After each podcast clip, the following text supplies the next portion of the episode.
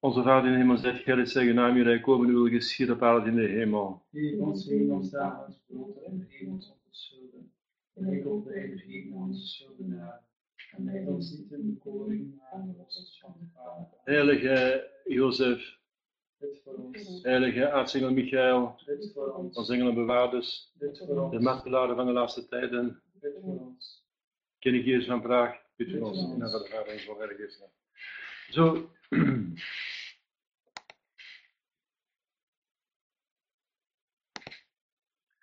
Zo, we zijn eh, nu wel eh, begonnen met. ehm, we waren gestopt met 114, dat was een belangrijke vraag, want dat ging over het pauschap of pausdom. Hè? Ehm, omdat we nu met uh, ketterse pausen zitten. En dat er een doctrine in de kerk is die zegt dat eh, als een paus een ketterij publiekelijk en openlijk verkondigt, dat hij de pauschap verliest. Maar de het gezonde deel van de bisschop dat altijd zal bestaan, hoe klein ze ook zijn, zullen de plicht hebben om die paus aan te manen. En als hij bekeert, dan blijft hij paus. Als hij, zich, als hij volhardt, dan met terugwerkende kracht van als een eerste ketterij verliest zijn pauschap. Eh, dat hebben we dus allemaal gezien, heel actueel, want dat is ook niet gekend. Waarom is het niet gekend? Wel, het is niet gekend om verschillende redenen. Namelijk omdat in de 19e eeuw, in 1870, het Eerste Vaticaans Concilie had een studie gedaan over de ketterij van de pausen. Want Adrianus VI had nog gezegd, dat is paus, Adrianus VI, een Hollandse paus, hè, Nederlander. Die paus had gezegd dat er vele pausen ketterijen hadden verkondigd. Vaticaan I heeft dat onderzocht, want in eh, 1870 hebben ze dus die onfeilbaarheid van de paus willen uit, uitroepen. En die hebben dan ook uitgeroepen als een dogma. En dan zijn ze nagegaan of het inderdaad ketterse pausen zijn geweest. Natuurlijk was dat dogma wel de buitengewone onfeilbaarheid van de paus. Namelijk als hij als hoofd van de kerk plechtig in zaken geloof en zeden voor alle gelovigen ehm, een uitdrukt dat hij dus de zaak definitief wil regelen. Als aan die voorwaarden, vier voorwaarden voldaan worden, met of zonder concilie, is de paus met of zonder concilie onfeilbaar. Dat noemen ze het on, buitengewoon onfeilbaar magisterium ex cathedra. Maar de Vaticaan I onderzocht ook het gewone uh, onfeilbaarheid. Namelijk uh, of er inderdaad pausen buiten deze vier voorwaarden ketterijen hebben verkondigd. En ze hebben inderdaad gevonden dat, ze hebben dan onderzocht over het geval van Paus Liberius, van Rodius, van uh, Johannes de 22e. En uiteindelijk is dat de conclusie van Vaticaan I, wat niet onfeilbaar is, die uitspraak is niet onfeilbaar, wat niet alles wat Vaticaan I zegt is onfeilbaar, alleen maar wat dus uh, als onfeilbaar wordt voorgehouden. Dus hetgeen ik u zeg, dus het ene dogma. Maar toch, het is een heel belangrijk ernstig concilie geweest, waar uh, ernstig uh, gewerkt is geweest. En de concilie heeft verklaard dat uiteindelijk, uiteindelijk geen enkele paus een echte ketterij verkondigd heeft. Het was ketterij bevorderend, of het was dubbelzinnig, ofwel heeft hij zich geroepen, verkeerd uitgedrukt. In het geval van Johannes de 22e was het een verkeerde uitdrukking. Want op, op zijn sterfbed zei hij, ik wou eigenlijk zeggen dat, ik bedoelde eigenlijk dat. Begrijp je? Dus het, uh, Vaticaan, het eerste Vaticaans Concilie heeft nog gezegd in de 19e eeuw, uiteindelijk heeft geen enkele paus een echte ketterij verkondigd. En de paus onfeilbaar als hij escatedra is. Dat gaf een geweldige status aan het pausdom. En dan kreeg je bovendien een erge en Tinder erbij. Dus na erge en Tinder was er gewoon, in de seminaris werd daar gewoon niet meer over nagedacht. Dat werd niet meer in ogenschouw genomen dat een paus ooit ketter kon zijn. Daar werd gewoon niet meer over gesproken. En dat verklaart waarom dat Monsieur Lefebvre uiteindelijk zegt, ik ken die doctrine niet, ik heb nooit over gehoord, er werd het seminar over gesproken, ik weet niet of dat een paus die ketter is, dat hij dan, begrijp? Dus dat zijn de redenen waarom dat wij zo lang in die onzekerheid geweest hebben, of een paus nu paus is of niet, want Paus Lefebvre zegt ik weet het niet. Ik neem hem aan als paus, maar ik weet het niet. Dus hij heeft daar nooit over beslist. Dus de twijfel was altijd in de broederschap. Je moet niet zeggen, de broederschap neemt uh, al die paus aan als paus. Ja, maar met twijfel. Als in de broederschap mensen zijn die geen twijfel meer hebben, dan zijn ze ontrouw aan Mons Lefebvre. Ik weet het niet, ik twijfel eraan en in twijfel neem ik hem aan als paus. Ziet je? Maar nu hebben we een doctrine gevonden. Die doctrine die uh, inderdaad uh, alle eeuwen werd gehouden en die, die, die dus altijd uiteindelijk wel dus in de kerk bestaan heeft, maar die niet meer onderwezen werd, omwille van dat status opgepoetste, allez, opgehemelde, opgewaardeerde status van de paus, laten we zeggen, als je het zo kunt uitdrukken. Door die onfeilbaarheidsverklaring en die heilige Pius X, dat echt een buitengewone paus is en de grootste paus die de kerk ooit heeft gekend. Die man had ongelooflijke kwaliteit, ongelooflijke heiligheid, ongelooflijke temperament. Uh, die heeft, ik weet niet wat, die heeft ongelooflijke prestaties verricht. Die heeft de ganse, voor de eerste keer in de geschiedenis van de kerk, je moet wachten tot de 20e eeuw om alle wetten te codificeren. Dat je een paus hebt die in één boek alle wetten zet. Want dat was het dreketalen van en dit de sententies van daar, nog een boek met de rechtspraak van Ginder, dus je moest echt een specialist zijn om, aan dat oerwoud van wetten en, en decreten en wetboeken en, uh, en verklaringen van pausen en rechters, om eraan uit te kunnen. En hij heeft er één codex van gemaakt, om een voorbeeld te geven. Hm? Hij heeft het modernisme tegengehouden. Hij heeft de infiltratie van de kerk tegengehouden. Hij heeft de devotie van Maria hm, gepromulgeerd. Hij heeft de, de dagelijkse en de frequente en de kindercommunie gepromulgeerd. Hij heeft de Gregoriaanse muziek gerestaureerd. De Gregoriaanse muziek die was totaal in vervallen. Dat was echt een, een, een dat noemen ze een, uh, allez, een fanfare muziek geworden. Hè? Een champetter muziek, zo van, uh, noemen ze dat? Een, uh, allez, dat was een folklore geworden. Hè? Dat er niks meer op leek, dat het gewoon uh, bombastisch was en een volks. Hij heeft dat terug zijn, zijn eerste adel gegeven, de Gregoriaanse muziek. Hij heeft het toevertrouwd aan Solem, enzovoort. Zo, dat is, zover waren we gekomen, maar het is heel belangrijk, die kwestie van die paus, want het gaat over een doctrine die tot de, tot de leer van de kerk behoort, uh, tot de onfeilbare leer van de kerk. Dus als je die niet aanneemt, ben je uiteindelijk ketter. Mons Vijfde zegt, ik wist het niet. Dus M kon niet verweten wat de ketter was, want hij wist het niet. Maar die bisschoppen die ik gesproken heb in de broederschap, die het wel weten, en zeggen we spreken er niet over, die zijn veel schuldiger. Hè? Want die weten het wel. Hè? En een ketterij niet aan de mensen uh, zeggen, en dat deze mensen in de ketterij laten. Dat is, dat is heel erg. Ketterij is doodzonde.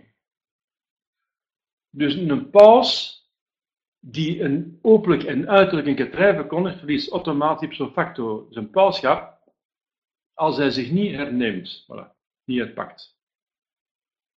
Zoals Johan de 23e, de, pardon, Johan de, de, de 22 heeft zich herpakt. Paulus VI was zich aan het pakken, maar heeft nooit zijn uh, ketterijen uh, dus teruggetrokken. Hij heeft ook de kans niet gehad, want die werd dus door de vrijmesserij dus geliquideerd uiteindelijk. Dat zijn we ondertussen ook al te weten gekomen. Goed, dus, de, dat, dat, dus die laatste vraag, over paus en bisschoppen, dat heeft lang geduurd. Daar heb ik dus verschillende sessies aan besteed, omdat het zo actueel is en zo uiteindelijk uh, in de 19e eeuw in een vergeethoek uh, geraakt is. En uiteindelijk zo belangrijk is nu gebleken. Zo belangrijk dat Mons Lefebvre zei, moesten ze in het begin, de eerste helft van de 20e eeuw, in een seminaris of elders gezegd hebben, geopperd hebben, dat de kerk er zo zou uitzien, zoals wij ze nu zien uitzien in de tweede helft van de 20e eeuw, dan zouden ze die personen als ketters beschouwd hebben.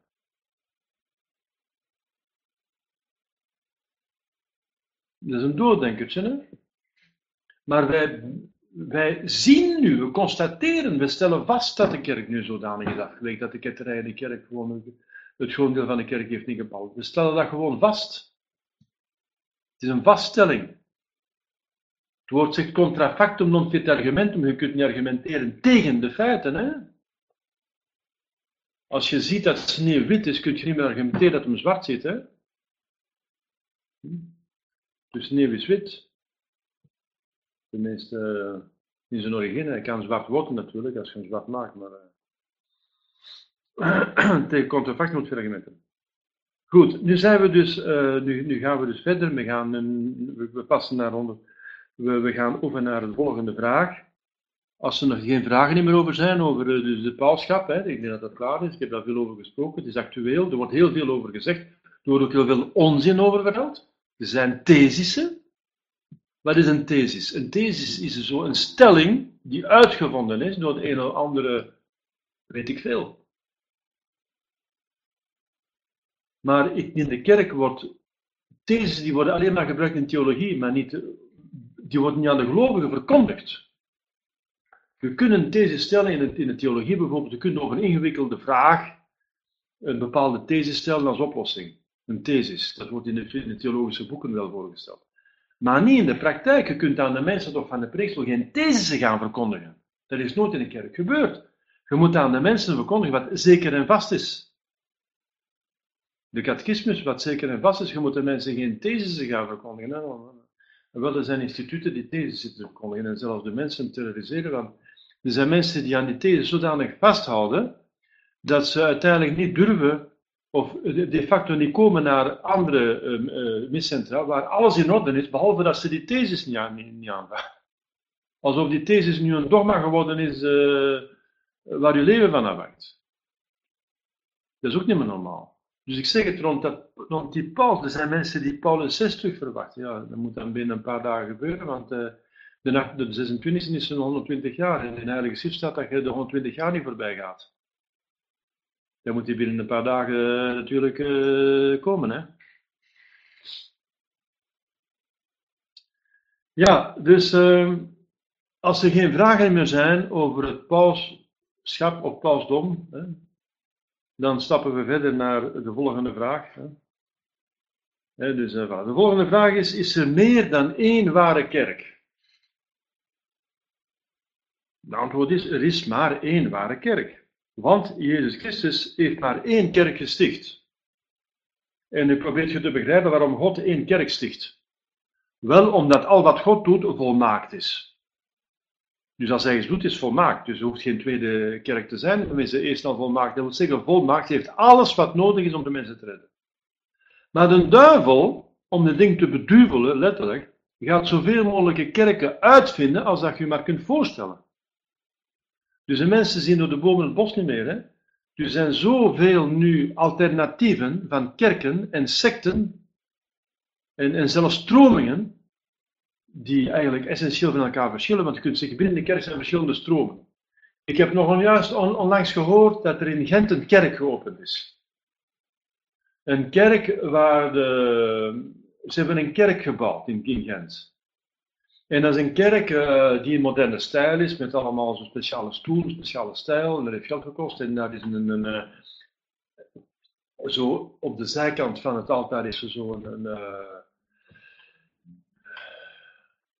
een vitrine zou ik zeggen, dus een, een, een, raam. En daarachter zit een studio. Een studio waar we dus de, de, alles opnemen en doorsturen, op, direct op, op, op YouTube zetten. iedereen is er welkom. Er is een glasraam met twee mannen die zich uh, omhelzen. En met een prostituee die een man zit aan. Ze zijn breed denken. Ze zeggen, binnen in de kerk, binnen in de brede koepel van de kerk vinden wij ons plaats. Maar als de prostitutie en de homoseksualiteit, die in de bronnen van de kerk, namelijk in de Heilige Schrift, veroordeeld zijn, en zelfs als wraakroepende zonde, want Sodoma en Gomorra zijn het door het vuur verwoest geweest, dan vraagt je je af wat die daar komen doen en zeggen dan wij behoren onder de brede koepel van de kerk. dat zijn redemptoristen. Redemptoristen van Gent hebben nu onlangs een kerk geopend, zo, die open staat voor, uh, ik weet niet, niet Jan en Alleman, maar uh, uh, het gaat verder dan Jan en Alleman. Hè? Het, Jan en Jeannette, zou ik zeggen in het Antwerpse. Ja, het is droevig. Hè. Je kunt ermee lachen, maar je, je weet niet of je moet lachen of schreeuwen. Of wenen. Je weet niet wat je moet doen. Hè. Dus, uh, het is echt droevig. Wel, uh, dus er zijn zoveel kerken. En binnenin de zogenaamde kerk, ja, dat heeft te maken met de vorige vraag. Over het pausschap of pausdom. Uh, als je natuurlijk een ketter als paus kunt aanvaarden, ja, dan is alles mogelijk. Hè? Dan is de ketterij ook mogelijk. Hè? Onder die paus dan zo gezegd. Hè? Maar Jezus was tegen de ketterij. Want Jezus die verwierp door één enkele ketterij een gans volk, namelijk namelijk de ketterij dat Jezus geen God is. Omdat ze hem niet erkend hebben als God. Zegt Jezus, in uw zonde zult ge sterven. Uw vader is de Satan, zegt hij tegen het uitverkoren volk. Omwille van één ding, want de fariseeën waren rechtgelovigen. De fariseeën waren geen ketters.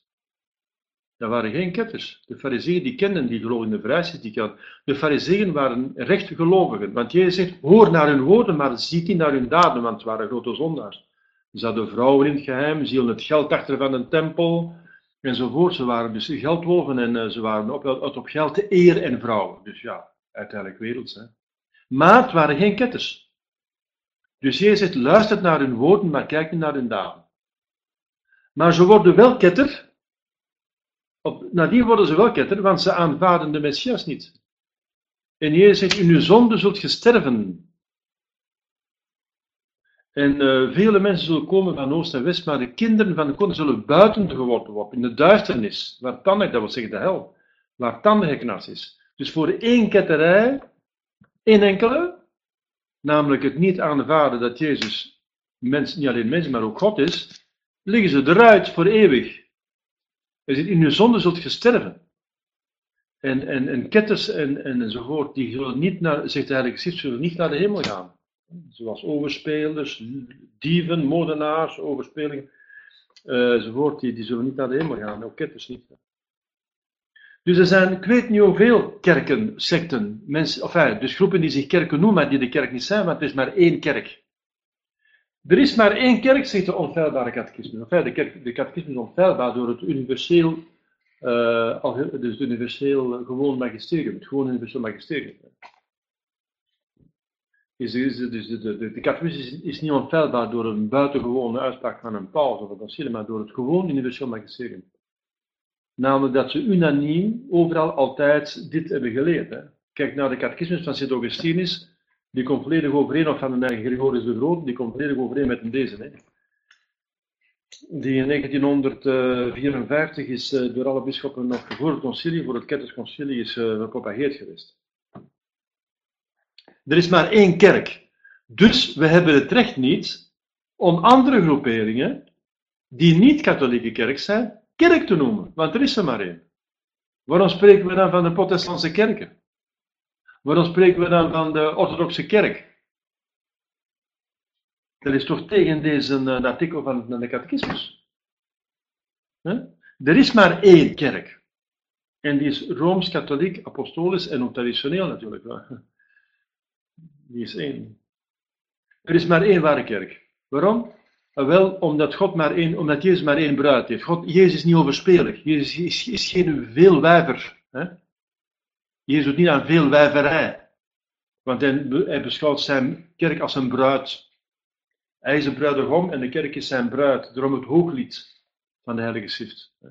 Het hooglied is een, liefdes, een liefdeszang uh, van Jezus, van God aan, aan zijn kerk, aan zijn, aan zijn kerk. Dat in het Oude Testament dus uh, uh, het uitverkoren volk was en in het Nieuwe Testament de christenen. Uh, de verhouding tussen Jezus en zijn kerk wordt, wordt, wordt vergeleken met de verhouding tussen bruid en bruidegom. Paulus zegt het. Groot is het geheim van het huwelijk? Want de, de, de man moet zijn vrouw beminnen zoals Jezus zijn, zijn kerk. Uh, het trekt het door, ziet je? Dus er is toch maar, dus, dus, dus een man heeft toch maar één vrouw en een vrouw heeft toch maar één man. Zo ook Jezus. Zo ook Jezus. Zo Jezus. Dus Jezus dus is maar één kerk om die verschillende redenen. Omdat wat God doet volmaakt is. En omdat uh, inderdaad uh, één vrouw, één man. Hè? Dus, trouwens, als de, het uitverkoren volk andere godsdiensten gaat achterna lopen, dan beschouwt Yahweh het in het Oude Testament als, als uh, overspel. Geestelijk overspel. Dus dat de Israëlieten dan met de Baal, Baal gaan vereren, of Astarte, en dan, dan, dan, wordt dat door de profeten, die dan, uh, dus, uh, dus dan gaan, gaan in naam van God worden opgewekt om het volk terug te krijgen naar de ware godsdienst wordt het volk overspelig genoemd. Want ze zijn gaan flirten met andere goden. En afgoden. Kijk naar het verhaal van de heilige ehm, Elias op de berg Karmel daar. En, uh, daar in de, en wanneer hij dus de, al die Baalspriesters uitschakelt. Uitschakelt. Letterlijk en figuurlijk, figuurlijk en letterlijk. Nadien worden ze allemaal gewoon een kopje kleiner gemaakt. Want uh, er stond de doodstraf op, op, gewoon het volk misleiden in het geloof. Dat wil zeggen het volk naar de hel brengen. Het volk naar de hel brengen, stond de doodstraf op. Want een moordenaar doodt een lichaam, maar die mens die kan nog naar de hemel gaan. Als je vermoord wordt, kun je nog naar de hemel gaan. Maar als iemand je ziel vermoordt, kun je niet meer naar de hemel gaan.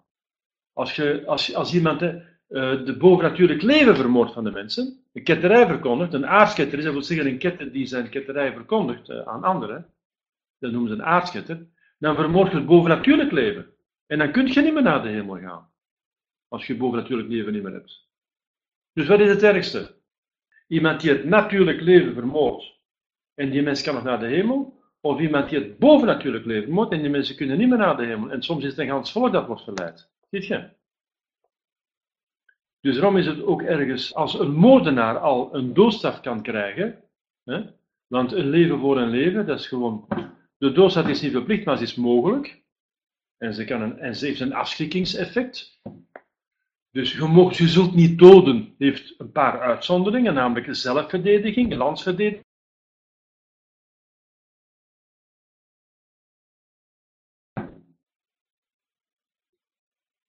Executie van een groot misdrijf, uh, dat, dat 100% bewezen is, door een officiële rechter en, en door een officiële beul uitgevoerd. Dus de doodstraf is mogelijk.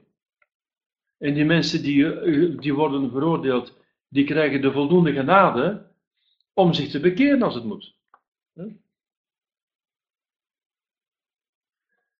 Dus uh, er is maar één ware kerk, want Jezus Christus heeft maar één kerk gezegd. Dus ik zou u willen vragen, vanuit respect voor dit, deze geloofswaarheid, geen enkele andere groepering meer kerk te noemen. Er is maar één kerk. Dus de protestanten zijn secten. De orthodoxen zijn secten. Alles is secte. Dat wil zeggen, van secare wil zeggen gesneden, afgesneden van de ware kerk. Door ketterij en of schisma. Of schisma en of ketterij, want uh, elke ketterij brengt een schisma teweeg. En elk schisma gaat uiteindelijk op de lange duur een ketterij veroorzaken. Dus dat is broer en zuster. Hè? Ziet je? Dus, het dus je zou moeten spreken van um, één ware kerk. Ja, één ware kerk. Maar het grote probleem is, waar is die kerk? Want vermis dat je door de ketterij zult je laten zien. Of heb je al gezien? Je al gezien. Want wie behoort niet tot de kerk? Die is de ketter. Nee, dat zullen we zien later. Wie behoort niet tot de kerk? Uh, dat zijn de ketters enzovoort, schismatieken en, uh, af, en afvalligen en zo. Wel, als je door de afvalligheid en door de ketterij niet tot de kerk behoort, dan behoren alleen maar tot de kerk degenen die niet ketters zijn. En natuurlijk, wie is, ah ja, hier zit je dus bij de, de vraag die we al gezien hebben, dat is een heel belangrijke vraag. Uiteindelijk zijn alle vragen belangrijk, want de ganse geloof wordt in vraag gesteld tegenwoordig. Wat is een christenmens? Dat is een fundamentele vraag. Is een gedoopte die de leer van Christus gelooft en beleidt in de ware kerk. Dat wil zeggen onder het, uh, het legitieme autoriteit. Dus een gedoopt, dus je moet geldige sacramenten hebben om te beginnen. En er zijn ongeldige of twijfelachtige sacramenten. En Sint Augustinus zegt dat je van als er een twijfel is in een sacrament, je het als onbestaande moet beschouwen.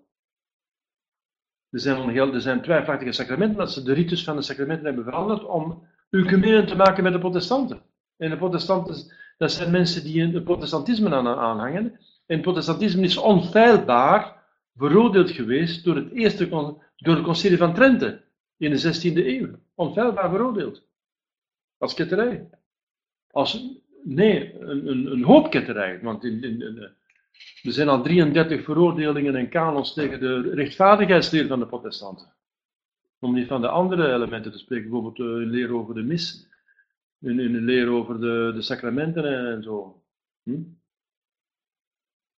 Een gedoop die de leer van Christus belooft en beleidt. Dus als je ketter bent, zijt je al geen Christus, behoort niet tot de kerk. Want de christenmensen, dat zijn degenen die de kerk uitmaken. Dus als je de leer van Christus niet gelooft of niet beleidt, dus een ketter zijt, dan behoort je niet tot de kerk. Ziet je? In, uh, de, in de afhankelijkheid van, uh, in, in de ware kerk. Dat wil zeggen, dus als je dus tot de ware kerk behoort, dat betekent dus dat je tot de priesters, de bisschoppen en, en, en de gelovigen behoort, die inderdaad geldige sacramenten hebben en die de leer van Christus geloven en beleiden. Wel, daaraan moet gaan onderworpen zijn. Ziet je?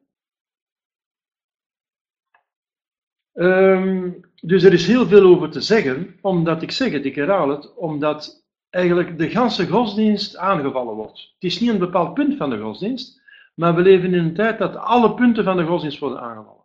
Dat noemen ze geloofsafval. Natuurlijk zijn er ketterijen. Hè? Dat er elementen van waarheid en heil zijn in alle godsdiensten, zoals, zoals Nostaitate zegt, in paragraaf 2 en 4 van het Vaticaans Concilie. Er is natuurlijk een ketterij, want dat is teengesteld aan de Heilige Schrift. Hij zegt, er is geen heil in enige ander dan Jezus. Er is geen heil. Wel, uh, maar uiteindelijk uh, gaat het zover dat uh, zelfs in de kerk stromingen zijn die de ganse traditie van de kerk in vraag stellen en tegenspreken. En daar, daar, dan spreken we van geloofsafval. Wat is het verschil tussen een ketterij en een geloofsafval? Wel een ketterij, dat is uh, een stelling aannemen, een stelling aannemen die tegenstrijdig is aan een bron van het geloof. Dus aan Gods openbaring. Dus dat is God tot een leugenaar maken. De meest zo erg, hè? Want God is waarheid. Er zijn twee bronnen van het geloof, zoals je weet, de Heilige Schrift en de traditie. De Heilige Schrift voor zover het duidelijk is, en de traditie voor zover het onfeilbaar is. En de Heilige Schrift wordt nog uitgelegd door de traditie, met een grote T. Hè? Ja. Wel, uh, dat is een ketterij. Dus als je dus één of meerdere geloofswaarheden verwerpt. Maar wat is een geloofsafval? Dat is dat je de ganse godsdienst uiteindelijk verwerpt. De ganse godsdienst. Dus de, de, ganse, de katholieke godsdienst. Dus, dus volledig alles verwerpt. Alles. Praktisch alles. Dus dat is nog erger natuurlijk. Hè?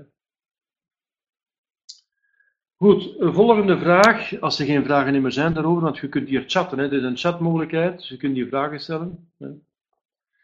Wat noemt men kenmerken van de ware kerk? Wel, dat is heel erg belangrijk, omdat vele uh, dus, uh, ja, stromingen zich, uh, dus, zoals ik juist zei, in de kerk, zich dus kerk noemen, maar die uiteindelijk niet meer kerk zijn omdat ze dus ketters zijn. Bijvoorbeeld, ik heb het voorbeeld gegeven van die redemptoristen van Gent, die een kerk heb genomen, geopend met een glasraam, waar twee homoseksuelen elkaar zoenen, en waar een, een, een prostituee een man solliciteert, en dat ze zeggen, dus we, zijn, eh, we staan open voor, voor, gewoon voor de mensen. We staan open voor de mensen.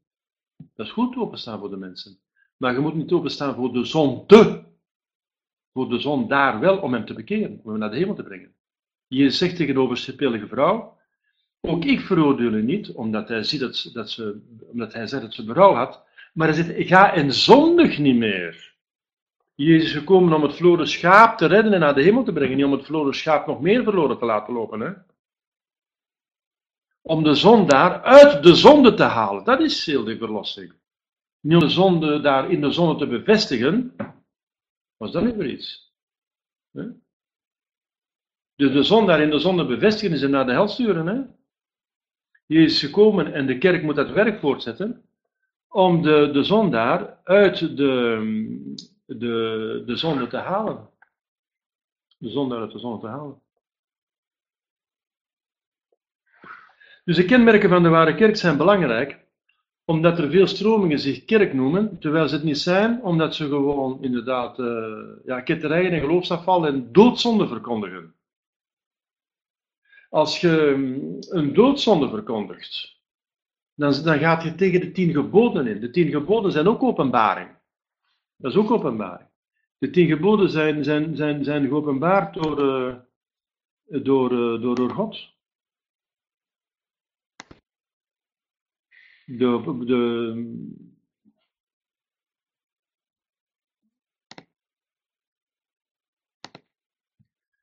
De tien geboden zijn geopenbaard door God. Dus, um, ben even aan het kijken hier. Ja. Ik ben even mijn. Uh,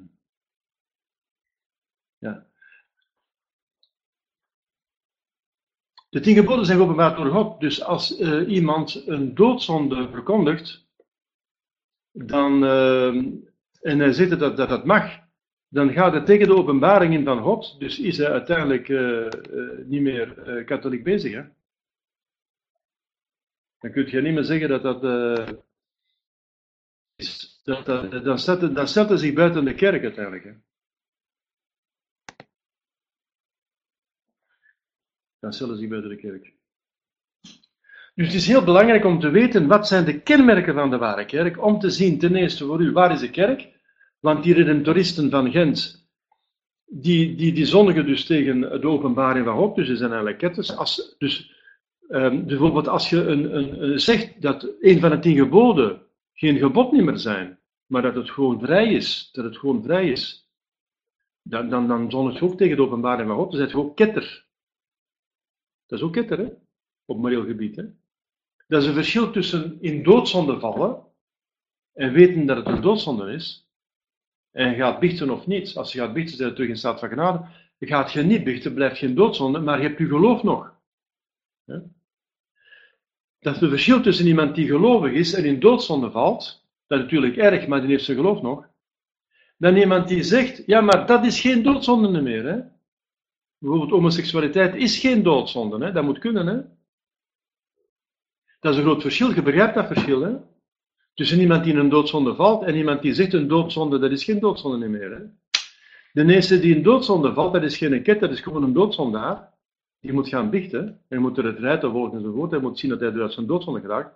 Maar de ander die zegt, dat is geen doodzonde, dat is gewoon een ketter geworden, want die gaat tegen de openbaring van God in, die zegt de tien geboden van Mozes. Het is niet alleen Jezus Christus die dat gezegd heeft. Maar het gaat terug naar Mozes. Mozes heeft geleefd na Abraham. Hè. Abraham dat is 2000 voor Christus en daar kwam Mozes. Uh, uh, Mozes, uh, dat is, laten we zeggen, dus meer dan 1500 jaar voor Christus. Hè. Want dat was tussen David en Abraham, had je Mozes. 1600 jaar voor Christus, zoiets moet dat zijn. Dus Abraham was 2000 jaar voor Christus en David is 1000 jaar voor Christus. En wel tussen Abraham en David had je Mozes. En wel Mozes heeft tien geboden van God gekregen. Mozes heeft zelfs die tien geboden niet op zitten schrijven onder inspiratie. Het is veel sterker, veel sterker. Het is, het is, het is een ongelooflijke sterke openbaring. Het is een ongelooflijk sterk uh, punt uit de Heilige Schrift, uh, gedeelte van de Heilige Schrift. Dus de tien geboden zijn eigenlijk het, een van de belangrijkste, niet het belangrijkste gedeelte van de Heilige Schrift. Waarom? Wel omdat de Heilige Schrift geschreven is door mensen onder inspiratie van God. En God heeft ze als instrument gebruikt.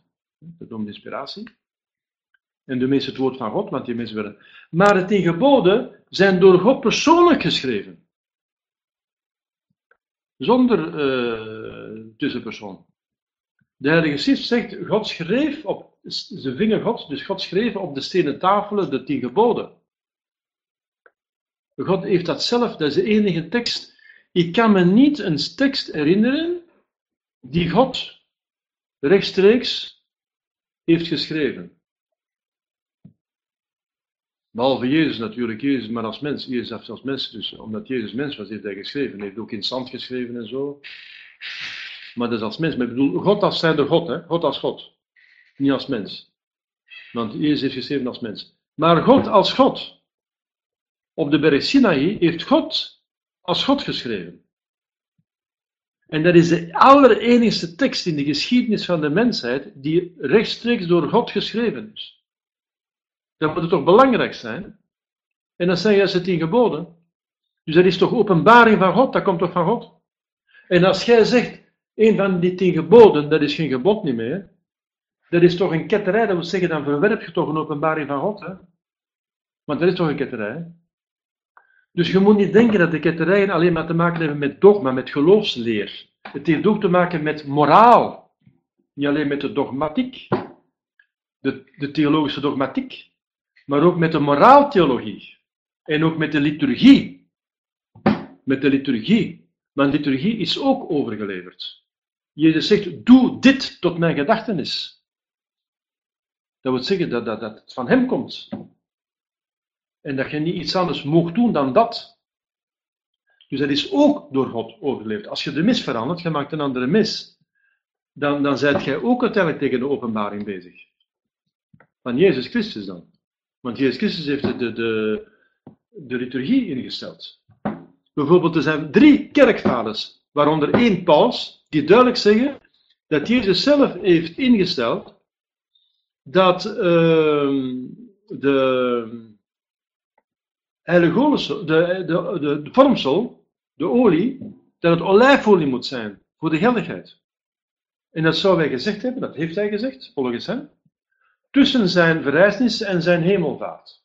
En de Heilige Schrift zegt, hij vertelde hen over het Koninkrijk Gods. Wat is Koninkrijk Gods? Ah, dat is, dat is, dat is, de kerk, hè? De kerk, de, ware kerk, is het Koninkrijk Gods op aarde. De kerk is de hemel op aarde. En die ons naar de hemel brengt in de hemel, hè? de hemel op aarde. Hè?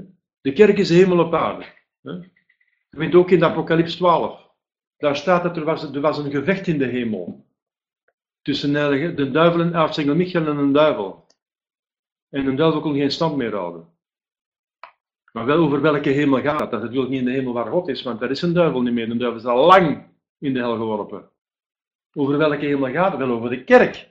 De kerk is de hemel op aarde, wat Jezus zegt, verkeer van het rijk der hemelen is nabij. En hij had het over de kerk. En dat de duivel in de kerk zit, dat weet iedereen, hè? want dat hebben we Vaticaan II gezien, met de crisis hier, de crisis daar, uh, overal ketterijen. Hè? Uh, aan de hoofd van de postconsulaire kerk zijn de ketters, en de, de, de, de broederschap heeft aan het hoofd iemand die met ketters wil samenwerken. Uh, aan de hoofd van Bonnekes hebben een ketter, ik een ketter. Het kettert dat het klettert. Tegenwoordig, is ongelooflijk, hè? Dus wat een crisis. Dus een duivel is in de kerk. Maar dan kwam de heilige aartsige Michael en een duivel won niet meer.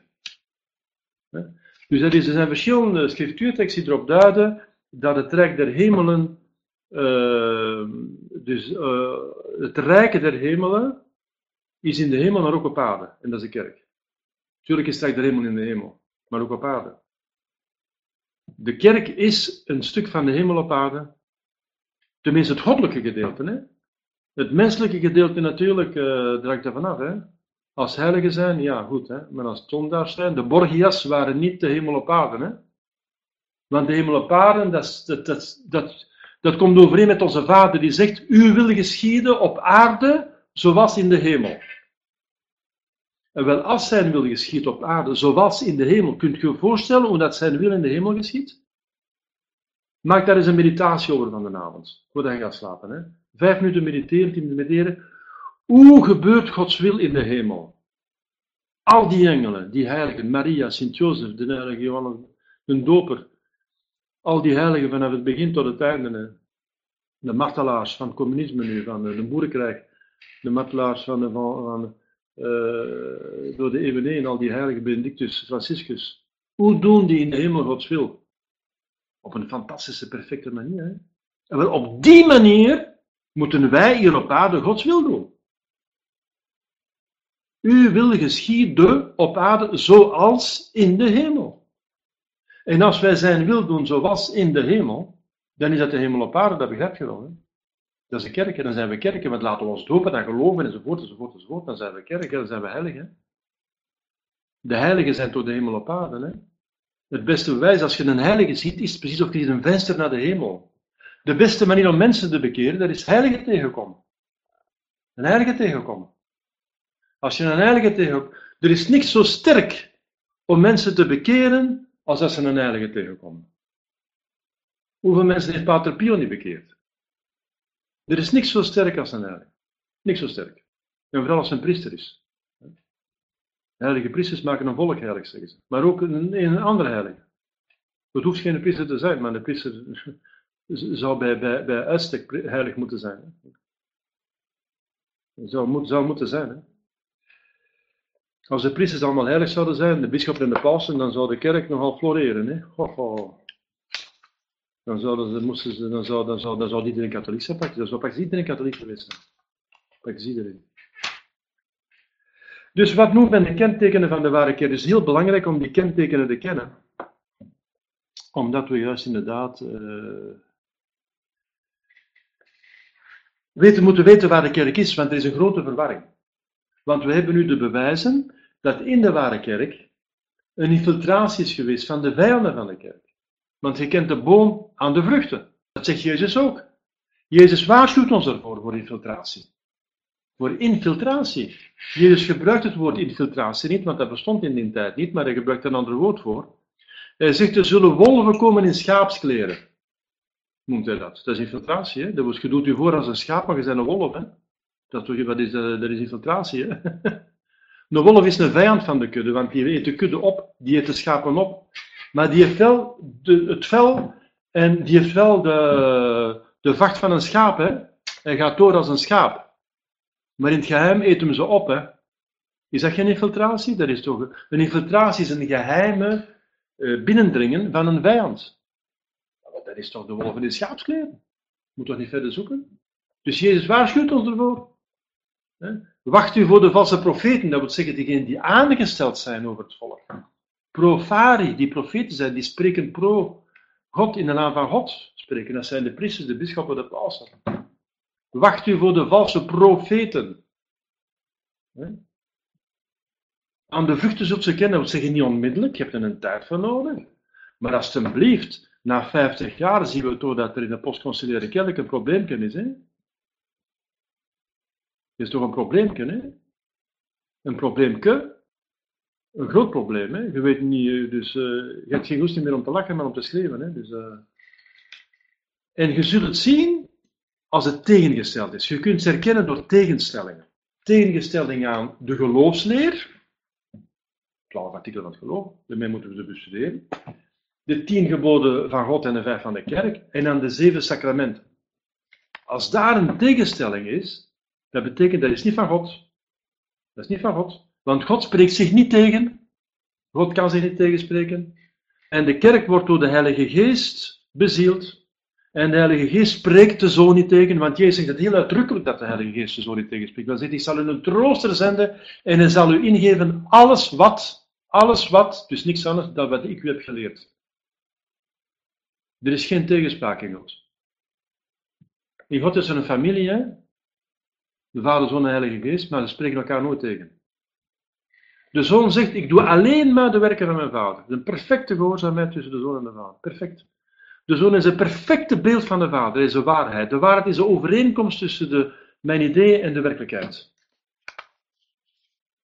Ah, wel, de, de Zoon is de perfecte overeenkomst tussen de werkelijkheid van God, dat is dus de Vader, maar dan zegt ik ben die ben, hij is de, waar, de werkelijkheid. En de Zoon is de perfecte uitdrukking van die werkelijkheid, dus het woord, dat, eh, dat God uitdrukt. Hè? En het is een totale, volledige overeenstemming tussen de Zoon en de Vader. Hij is gelijk, we zijn één. En we ook met de Heilige Geest. Een volledige overeenkomst, geen enkele tegenspraak bij de Vader en de Zoon. En wel de Heilige Geest bezielt de kerk. Want de Heilige Geest is neergedaald over de kerk en de tweede persoon is naar de hemel gegaan. Dus de Heilige Geest die verder gaat in de kerk. Op aarde. Er is toch geen tegenspraak? Dus als er een tegenspraak is, heb je te maken met Satan. Want Satan betekent tegenstrever, tegenspreker. Dus dan heb je te maken met Satan. En die moeten niet volgen, hè? Maar soms kan de Satan in de kerk zijn en er kunnen volgen in schaapleren zijn. Zelfs de eerste paus heeft Satan gewist. Want Jezus zegt tegen Petrus, uh, hij zegt, je zei Petrus, want je zegt dingen die van God komen, je zegt dat ik de zoon van God ben. Maar een beetje later zegt Petrus, ja, maar je moet u niet laten kruisigen, hè? dat moet je niet doen. Hè? Zeg je, achter mij Satan. Want je hebt gedachten van mensen en niet van God. Maar nadien heeft ze zich bekeerd natuurlijk. Maar je ziet, Satan kan in de kerk zitten. Hè? Dus het is heel belangrijk om te weten, waar is nu die ware kerk? Want die heeft kenmerken. God heeft ons niet verweest achtergelaten. We zitten niet zomaar ergens met, uh, met de natte vinger zo. Uh, ik ben katholiek, maar ik weet niet hoe dat is. Uh, ik zal het maar aannemen, wat iedereen aanneemt. Zo werkt dat niet. Hè? Als God dit doet, doet het goed. Doet hij het goed. Wel, hij heeft de kerk in ingesteld En heeft aan de kerk alles gegeven wat ze nodig heeft om te overleven tot het einde van de wereld. Want ze zou bestaan tot het einde van de wereld. En de poorten der hel, dus die in de eerste plaats leugen is. Want God is in, Jezus in plaats waarheid. Het diepste wezen van Jezus is waarheid. Hij is het woord. Dat overeenkomt met de Vader, dus dat is waarheid. Dat is, dat is, dat is waarheid. Een woord dat overeenkomt met de werkelijkheid is waarheid. Wel, Jezus is waarheid, dus zijn tegenstever is in de eerste plaats leugen. Dus de, de, de, de hel is in eerste plaats leugen en in de tweede plaats al de rest. Moord, doodslag, uh, onkuisheid, uh, gulzigheid, in Bataclan, dus, uh, of Bataclinkel, Bataclan moet ik al niet zeggen. Je moet dan niet meer over Bataclan spreken, we zeggen dan Bataclinkel. Dus, ja. Dus je moet goed weten wat de kerk is. Wat zijn de, de kenmerken van de ware kerk? Zegt de catechismus, noemt men de zichtbare eigenschappen waaraan men uh, de ware kerk van Christus kan herkennen. Dat betekent dat ze moet herkend worden. Dat ze niet zomaar uh, uh, erkend wordt. Vanzelf. Kan niet vanzelf. Je hebt daar vier kenmerken van nodig om te weten wie de ware kerk is. Dus je hebt een middel nodig om ze te erkennen. Want er zijn honderden groeperingen die zich kerk noemen, zoals ik zei, en die uiteindelijk dus met elkaar overhoop liggen. Dus je kunt niet zeggen, ze hebben allemaal gelijk, iedereen mag kiezen wat hij wil, er is godsdienstvrijheid, iedereen zijn vrijheid, iedereen zijn gedacht. Nee, want er zijn tegenstellingen tussen de een en de andere. Als de katholieken zeggen, je moet Maria vereren, en de andere protestanten zeggen, je moet ze niet vereren, kun je toch zeggen, je hebt alle twee gelijk? Want het is tegenstrijdig.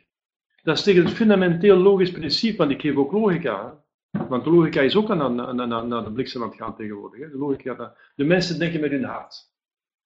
En dan met hun hart, dat is meestal het dierlijke van hun lichaam, natuurlijk de gevoelens. En dan denken ze niet meer na, wil dat zeggen. Hè? Ze volgen hun gevoelens en maar hun indrukken. Dat wil zeggen, denken met mijn hart. Normaal wordt het hart wel geïnformeerd door het verstand, door het gezond verstand en door het geloof. Hè? En dan krijg je een goed hart. Hè? Maar niet een hart dat zomaar, eh, ik weet niet wat, een hart van een dier uiteindelijk. Hè? Het hart van uw lichaam. Hè? Dus dat is, eh, dat is dan een mooi woord om uiteindelijk lelijke dingen te verbergen. Hè? Dus de mensen, er zijn mensen die gewoon niet meer hun verstand gebruiken. Hè? En die gewoon op hun gevoelens afgaan. Dus ik volg mijn hart, zeggen ze dan. Ja. Maar Jezus zegt ook, in uw hart zitten soms verkeerde dingen. Hè? Je moet uw hart zuiveren. Zou de zuiveren van hart, dat betekent dat er onzuiveren van hart zijn. Dus je hart kunt je niet zomaar volgen. Je moet eerst zuiveren. En om te weten het zuiver is, moet je weten wat is zuiver. Dus je moet eerst weten. Nikkel in uh, uh, nikkel volutum uh, nisi in intellectu. Er is niets gewild wat niet eens gekend is. Je kunt niet willen wat je niet kent. Dus je moet het eerst kennen en dan kun je het pas willen. En dan zit het in je hart. Hè? Dus waaraan men de ware kerk van Christus kan herkennen en waardoor men ze kan onderscheiden van protestantse en andere kerken die zich christelijk noemen. Ziet je, er zijn leugenaars. Er zijn die zich christenen noemen, maar ze zijn niet christenen. Dat wil zeggen, christen wil zeggen volgers van Christus.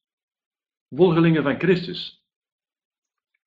De eerste die zich christen noemden waren de gelovigen van Antiochieën. Daar werden ze voor het eerst christenen genoemd. Dat wil zeggen, degene die Christus volgen, en volgen is geloven wat hij zegt en, en doen wat hij vraagt en volgen met verstand en wil. Maar wel de protestanten die geloven niet wat hem zegt, want zijn ketters, dat is zo. Ze hebben trouwens eh, boeken uit een Bijbel eruit gesmeten. Luther heeft boeken uit een Bijbel gesmeten. Hoe kun je dan zeggen dat ze Christus volgen? Want de Bijbel is geïnspireerd door God en heeft bepaalde boeken eruit gesmeerd. Boeken die niet met zijn ideeën overeenkwamen, heeft hij eruit gesmeten. Dus je kunt dan zeggen dat ze Christus volgen. Hm? Wel, dus, en toch noemen ze zich christen, dus dat is leugen, dus, dat zijn geen christenen. Hè? Dat zijn, dat zijn leugen, dat zijn geen christenen. Hè? Een andere, dus de catechismus zegt, om ze te herkennen. Aan welke kentekenen, de vraag 117, erkent men de ware kerk? Wel deze vier. En later zult je zien dat er nog twee andere zijn namelijk mirakelen en uh, profetieën. Dus je hebt vier inwendige uiteindelijk en twee uitwendige. We gaan eerst de vier inwendige bestuderen. De vier inwendige zijn één, heilig, katholiek en apostolisch. En de twee uitwendigen zijn mirakels en profetieën. Want Jezus verwijst ook naar mirakels. Hij als je mij niet gelooft omwille van mezelf, geloof in omwille van de werken. En dat betekent zijn mirakelen. Maar de ware de kerk is één. Die eenheid is heel belangrijk. Want die eenheid gaat juist over uh, dat ze niet verandert. Het is één in tijd en plaats natuurlijk. Hè. Het is volledig één. Want als God iets doet, doet hem het goed. God gaat juist tot het, tot, tot, tot het einde, hè, tot het uiteinde. Hè. God is een uiteindist, een jusqu'au boutiste, zeg je in het Frans. Een jusqu'au boutiste. Hij gaat tot het einde. God gaat tot het einde. Hè. Hij gaat, uh, dus als hij één is, is hij één in tijd en plaats. Dus we zijn nog steeds één met die eerste christenen. We zijn één met de apostelen. We zijn één met uh, de heilige de heilige Gregorius de Grote, de heilige Gregorius, uh, Gregorius van Nazianzen, de Gregorius van Nisse, met de heilige met de heilige Ambrosius, met de heilige Augustinus, met de heilige Hilarius van Poitiers. Hè? We zijn één met de heilige Benedictus. We verkondigen absoluut hetzelfde en niks anders. Hetzelfde. Alleen misschien meer uitgelegd, omdat er bepaald door ketterijen een bepaald punt werd aangevallen. Moest het meer uitgelegd worden. Hè? Dat wel. We kunnen een bepaald geloofspunt uitdiepen. Hm? Maar er is niks anders, het gewoon een uitdieping van, van geloofspunten. Dus als, je, dus, er is geen, dus als je afwijkt van wat er altijd overal door iedereen geloofd is geweest, dat is juist het bewijs dat je buiten de kerk zit. Want je, je, breekt die eenheid kapot. Dus de ketterij, daarom, daarom zit de ketterij buiten de kerk. Waarom zijn de ketters buiten de kerk? Omdat ze dus gebroken hebben. Ze aanvaarden iets niet wat dus openbaar is. Dus de kerk is één. Heilig, katholiek en apostolisch. We gaan die kenmerken één voor één beschouwen. Hè. Uh, welke kerk alleen bezit de vier kenmerken? Wel, alleen de Rooms-Katholieke Kerk. De Rooms-Katholieke, dus eerst zeiden ze de kerk, daarna zeiden ze de Katholieke Kerk, daarna zeiden ze de Rooms-Katholieke Kerk. Nu moet je zeggen de traditionele Rooms-Katholieke Kerk. En je moet nog zeggen welke traditie, want tegenwoordig in de traditie ook al een vorm gekropen. Dus uh, er zijn traditionalisten die uiteindelijk zeggen het hoofd van Mater Bonaconcilie ziet dat de apocalypse over het verleden gaat. Dat is een ketterij, want dat gaat tegen de Heilige tegen de kerkvader. Hè. Die noemen ze dan traditionalist. En in de broederschap uh, willen ze dus zich onderwerpen aan ketters. Dat is nooit door, door, de kerk aanvaard geweest. De kerk heeft altijd gezegd, je moet u door kerk van ketters verwijderen. Je moet niks met ketters te maken hebben. De heilige, de heilige Johannes, de discipel zegt, je moet zelfs niet eten, je moet ze zelfs niet begroeten. Je moet de ketters niet begroeten. Je moet er alleen contact mee hebben om ze te bekeren. Jawel. Jawel. De kerk is altijd heel goed geweest tegenover ketters. Eh, en heel uh, liefdadig en heel begripvol en heel uh, geduldig. Als en voor zover ze zag dat er nog ergens een mogelijkheid was om ze te bekeren. En alleen maar om ze te bekeren. En voor niks anders. Maar als ze dus, dus niet willen bekeren, dan niks mee te maken. Eruit, trouwens. Niks. En daar hebben ze, zijn ervoor in ballingschap gegaan. Daar hebben Paus hun reputatie voor in de weg gelegd. Ze hebben daar door, door, door verschillende uh, Romeinse keizers zijn ze vervolgd geweest. Omdat ze dat niet aanvaarden. Het Arianisme niet aanvaarden. Het Turkianisme en al die, al die, uh, die ketterijen, die, dus, die, die, die spijtig genoeg de, de, de keizer aan hun kant kregen. En die keizer die dan van theologie natuurlijk geen, geen, geen kaas had gegeten, of noemt ze dat? Hè? Dat hij uh, die me gewoon heeft gevolgd omdat hij, uh, ja, omdat hij, omdat hij wenste dat te volgen. Er was een grote lobby. De Arianen zorgden altijd wel dat er een grote lobby was aan het keizerlijk hof om de keizer aan hun kant te krijgen. En dat heeft al die vervolgingen veroorzaakt. Het Arianisme heeft eeuwenlang de kerk echt schade veroorzaakt. Grote, vooral in het oosten. Grote, grote schade veroorzaakt. En dat komt omdat de keizer door die uh, eunuchen, die eunuchen die, uh, die aan het keizerlijk hof waren, hè, die grote ministers, die werden dus uh, door de Arianen zogezegd, met, vaak met veel geld, omgekocht. En, en die, die praten dan de keizer om. En omdat de keizer dan aan de kant stond van de Arianen, van de ketters, dan kreeg je, dus, het grote lijden. Hè. Zoals als er een keizer was, er waren ook keizers die heel goed waren. Hè. Keizers die katholiek waren, die hebben geweldig veel goed gedaan. Hè. Ongelooflijk veel goed. Hè. Alleen de Rooms-Katholieke Kerk bezit de vier kenmerken van de ware kerk. Alleen. Dat wil zeggen, al de anderen niet. Al de anderen die zijn dus geen katholieke kerk. En die zijn de ware kerk niet. En nu gaan ze het over, over de eenheid hebben.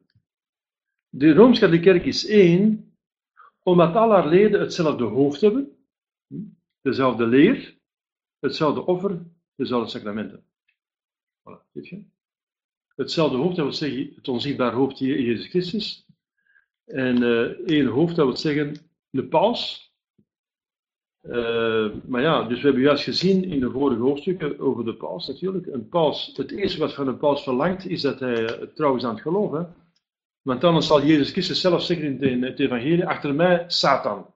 De Satan kan de paus niet zijn. Hè? Dus Jezus zegt, je bent Petrus, als jij verkondigt wat van, van God komt, en dan moet iedereen een zet je de rots. Maar in hetzelfde evangelie zegt Jezus een beetje verder, achter mij Satan. Nou, dan Satan moet er niet volgen natuurlijk, dat begrijp je wel. Dus ze hebben één hoofd, het onzichtbare hoofd Jezus Christus, en het zichtbare hoofd Paus, maar niet Satan. Hè?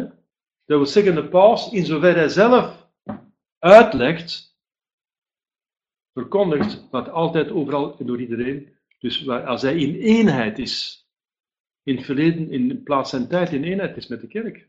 En, normaal is hij in eenheid ook, een normale paus. Je hebt ook antipausen gehad. En dan waren dan vaste pausen. Op een gegeven moment had je drie pausen in de, in de middeleeuwen. En dan heeft God heiligen opgewekt om dat uh, recht te trekken. Hetzelfde hoofd, hetzelfde hoofd, maar dat hoofd, dus dat is juist het hoofd, dat is iemand die juist het zegt hoe het moet zijn. En niet hoe het niet moet zijn. Dus, en hoe het niet moet zijn, maar die wil zeggen, die zegt wat de waarheid, de waarheid zegt. Hè. Want je zegt ook, die dezelfde leer. Die kerk is in omdat ze dezelfde leer in tijd en plaats. Hè. Hetzelfde offer, dat wil zeggen dezelfde sacramenten. Dezelfde misoffer. En dezelfde sacramenten, alle andere sacramenten. En die leer die, die valt uiteen in twee delen. Uh, dogma en moraal. Wat je moet weten en wat je moet doen. De twaalf artikelen van het geloof en de, tien uh, geboden van de kerk. En van, uh, de van God en van de kerk. De, vijf, de tien geboden van God en de vijf geboden van de kerk. Dus de vijftien geboden uiteindelijk. De vijftien geboden. Dat is heel belangrijk, hè? Want het is die eenheid die tegenwoordig leidt. Omdat uh, de ketterij, dus de tegenspraak met wat altijd overal door iedereen geleerd geweest, doorgedrongen is tot in de hoogste regionen. En dat heeft een grote verwarring veroorzaakt. Dus er zijn uh, priesters, bisschoppen, pausen, die dus uh, inderdaad verkondigen wat tegengesteld is aan wat altijd overal door iedereen is geleerd geweest. En zelfs Raatzingen, die dan Benedictus XVI geworden is, heeft dat toegegeven aan Mons Lefebvre. Zei hij, een interview is opgenomen geweest, dat is officieel, uh, zei Mons Lefebvre, zei, zei uh, kardinaal uh, toen, hè, Jozef Ratzinger, dat Gaudium met Spes van Vaticaan II tegengesteld is aan, aan de Quantacore en de syllabus van Pius IX. Tegengesteld. Maar die Quantacore en de syllabus van Pius IX die wordt als onfeilbaar beschouwd. Ex cathedra, door een aantal theologen, en anderen in ieder geval door het gewone universeel magisterium. Want het gaat over koningschap van Jezus. Jezus is koning. En iedereen moet aan hem onderworpen zijn. En dan gaat hij met respect over de godsdienstvrijheid. Je mag kiezen wat je wilt. godsdienstvrijheid.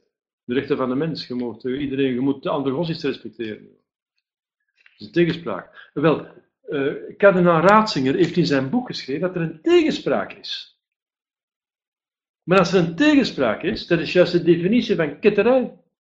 De definitie van ketterij, dat kun je in alle boeken zien, dat is een tegenspraak is een uitspraak die tegengesteld is aan een bron van het geloof. En een bron van het geloof, dat is in dit geval de traditie, namelijk een onfeilbare uitspraak van een paus, Pius IX. Dus in Rome hebben ze bekend dat er een tegenspraak is, dat uiteindelijk uh, Vaticaan II uh, is. Een bekentenis. Komt van hen zelf, komt zelfs niet van hen, het is onze beschuldiging niet. Ze hebben het zelf bekend. Dus dan begrijp je toch dat als Vaticaan II ketters is, na de bekentenis van uh, ja, dat, heeft hij geschreven in zijn boek, De, de van het Katholiek Geloof. Die principes in de katholieke glaubens, in Frans, les principes de la théologie catholique. De theologische, van de katholieke theologie, de, de principes van de katholieke theologie. En wel daarin schrijft hij dat er een tegenspraak is tussen Gaudium et Spes en Vaticaan II. En Gaudium et Spes, uh, Vatic pardon, uh, Gaudium et Spes van Vaticaan II, excuseer, en Quantacore Silvus van Pius. En, en dat is onfeilbaar, dat, dat tweede. Dus is Vaticaan II door de bekentenis van Kardinaal Ratzinger zelf ketters. En uh, dat betekent dat Vaticaan II buiten de kerk zit. Want we passen dan maar gewoon de principes toe. Weet je? Want de kenmerk van de ware kerk is eenheid. En die heeft gemaakt met breuk. Wat tegengesteld is, is niet één, maar is twee. Begrijp je? Ah, de logische redeneren mensen. Logica. Belangrijk. Als we niet meer logisch redeneren, dan, dan, zijn, we, dan zijn we eraan. Hè. Dan, is het, dan, dan is alles dan is gedaan met de mensen. Dan zijn we dieren. Hè. Als, we niet, als ons verstand niet meer kunnen gebruiken, ja, dan, dan is dat de knoppen. Hè. Wat niet één is, is tegengesteld. Wat tegengesteld is niet één. En wel, als eenheid een, een, kenmerk is van de ware kerk, is al wat niet één is de, met de kerk, wat ze altijd overal heeft geleerd, dan is ze gewoon niet die katholiek. Dus Vaticaan II is niet katholiek. Dat is erg, hè? Dat betekent dat iedereen die Vaticaan II aanvaardt, in tegenstrijd is met dit artikel van de catechismus die onfeilbaar is, die zegt dat de, eenheid een kenmerk is van de ware kerk, de eenheid in tijd en plaats. Je ligt overhoop met Pius IX. En weet je wat kardinaal uh, erop antwoordde? Want Mons Lefebvre zegt, ja maar dat is toch een tegenstrijd. Als een tegenstrijd is tussen een Vaticaans pastoraal concilie en wat onfeilbaar is, dan kies je toch voor het onfeilbare. Ja, maar zei kardinaal uh, Ratzinger, wat in de 19e eeuw waar was, hoeft in de 20e niet waar te zijn. Ja, dan zeg je dus inderdaad, dan begrijp je waarom Pius X schreef in zijn encycliek tegen het modernisme dat modernisme een ziekte van het verstand is. Als 1 en 1 2 is in de 19e eeuw, maar dat hoeft in de 20e eeuw niet meer 1 en 1 2 te zijn, dan is er een probleem. Als de definitie van de mens is een sterfelijk lichaam en een sterfelijke ziel, een harmonie tussen de twee, en dat is waar in de 20e, maar niet meer in, in, de, in de 21e eeuw, dan is er een probleem. Als er geen absolute waarheden meer zijn, maar de waarheden tijdsgebonden zijn, er zijn tijdsgebonden waarheden. Maar dat is, dat is, dat is, dat is, heel, dat is heel beperkt. Hè? Dat wil zeggen, dus in de 19e eeuw was het gangbaar dat men met een paardentram. Uh, ik weet nog, mijn grootmoeder die zei tegen mijn vader: pas op voor een paardentram als jong waren. Ja, dat, is in, dat was waar in, de, het begin van de 20e eeuw, maar niet in de. Dan moet je niet meer oppassen voor een paardentram. Dat zijn tijdgebonden waarheden. Maar het blijft waar dat in het begin van de 20e eeuw, omdat er een parentram was, dat je daar wel moest voor oppassen. En dat mijn grootmoeder dat gezegd heeft, die waarheid blijft wel. Dus er zijn dingen die tijdsgebonden zijn. Hè. Maar dat is, dat begrijp dus in, in, uh, er zijn ook dingen die, dus de essenties, de essenties. Want dat was de hele strijd tussen Socrates en de sofisten. Dat is even oud, die controverse. De sofisten die konden alles, alles bewijzen en tegengesteld. En Socrates zegt nee. Socrates heeft de, de, de, het menselijk verstand gered, want we zouden hetzelfde boek dat Marcel de Korte geschreven heeft, L'intelligence en péril de mort, het menselijk verstand in doodsgevaar. Ah, wel, waarom is het in doodsgevaar? Omdat de logica naar de knoppen is natuurlijk. Hè. Ze hebben tegenwoordig uh, paraconsistente logica. Ze hebben tegenwoordig paraconsistente logica. En paraconsistente logica wil zeggen dat ze niet meer consistent is. Dat ze niet meer. Uh, wel, uh, de eenheid is heel belangrijk. Is heel belangrijk, want als je dus alleen maar dit artikel begrijpt, van dat de kerk is één, en het is een kenmerk van de ware kerk, dan weet je al onmiddellijk waar die kerk is. Dat betekent iedere gelovige, iedere priester, iedere en iedere paus die inderdaad aan, die, uh, aan dat kenmerk van de ware kerk voldoet, die is lid van de kerk. En dat is de kerk. Al die mensen die dus aan die eenheid deel hebben. Deel hebben aan die eenheid.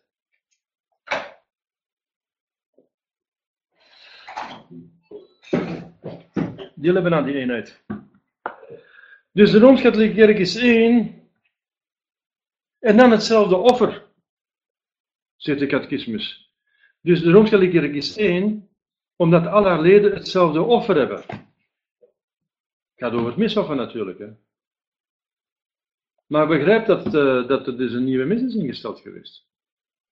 En die nieuwe mis heeft iets essentieels veranderd, wat altijd in de oude mis werd uh, gehaald, namelijk het offerkarakter.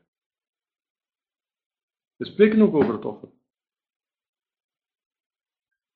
En Luther heeft dat verworpen, dat mis een offer is. Heeft er een maaltijd van gemaakt. En Vaticaan II, om te behagen aan de protestanten en ecumenisme te doen, uh, vals ecumenisme wil zeggen dus eenheid, dus dat veroordeelt, ik zeg vals omdat door de Pius XI is veroordeeld, in mortalium animos, veroordeelt dat soort van ecumenisme, een soort van ecumenisme dat niet bekeert, maar eenheid maakt zonder bekering. Dat is veroordeeld door Pius XI. En wat dat is juist het ecumenisme dat de Vaticaan II voorstelt. We gaan eenheid doen met protestanten zonder te bekeren. En we gaan dus samen bidden zonder ze te bekeren. We gaan alleen maar spreken over geen overeenkomst. En zo hebben ze dus de mis, en dat is waarom ze de, mis, de nieuwe mis hebben samengesteld. Om te kunnen bidden met protestanten, anglikanen, orthodoxen enzovoort, enzovoort, enzovoort.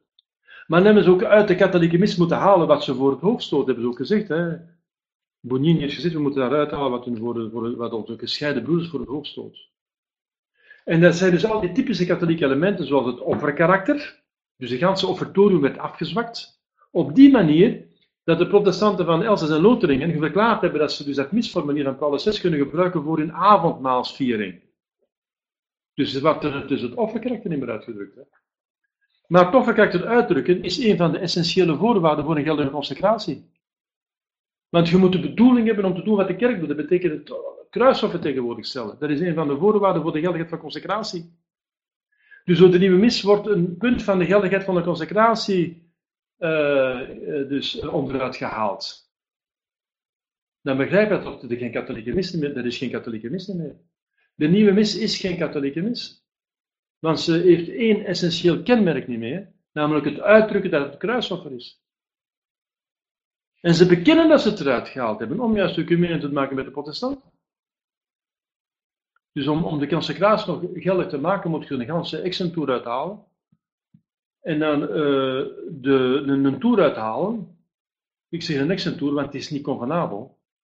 Dat geen geldige consecratie doet in een volledige, godbeledigende ritus. Hij, hij beledigt God omdat hij protestantisme bevoordeelt. En protestantisme is leugen is veroordeeld of feilbaar door het concilie van Trenten als zijnde leugen. En God is waarheid. Dus de leugen uh, beledigt de waarheid. Als je protestantisme be be bevoordeelt, uh, daarin juist waar ze verkeerd zijn, dan, dan, dan, dan, dan beledigt het door de waarheid. Want je moest uit de, uit de mis halen die typische katholieke, dus waarachtige elementen, het toffe karakter, het katholiek priesterschap, de transubstantiatie, de gebeden voor de heiligen en de de ziel in het vagevuur. Wat daar geloven de protestanten allemaal niet in.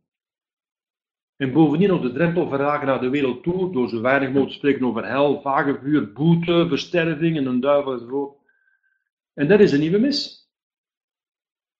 Dat is een nieuwe mis. En zo begrijp je de nieuwe mis. Dat is een katholieke mis, maar ze hebben al die elementen eruit gehaald die de protestanten voor het hoofd stoten en die de wereldse mensen voor het hoofd stoten.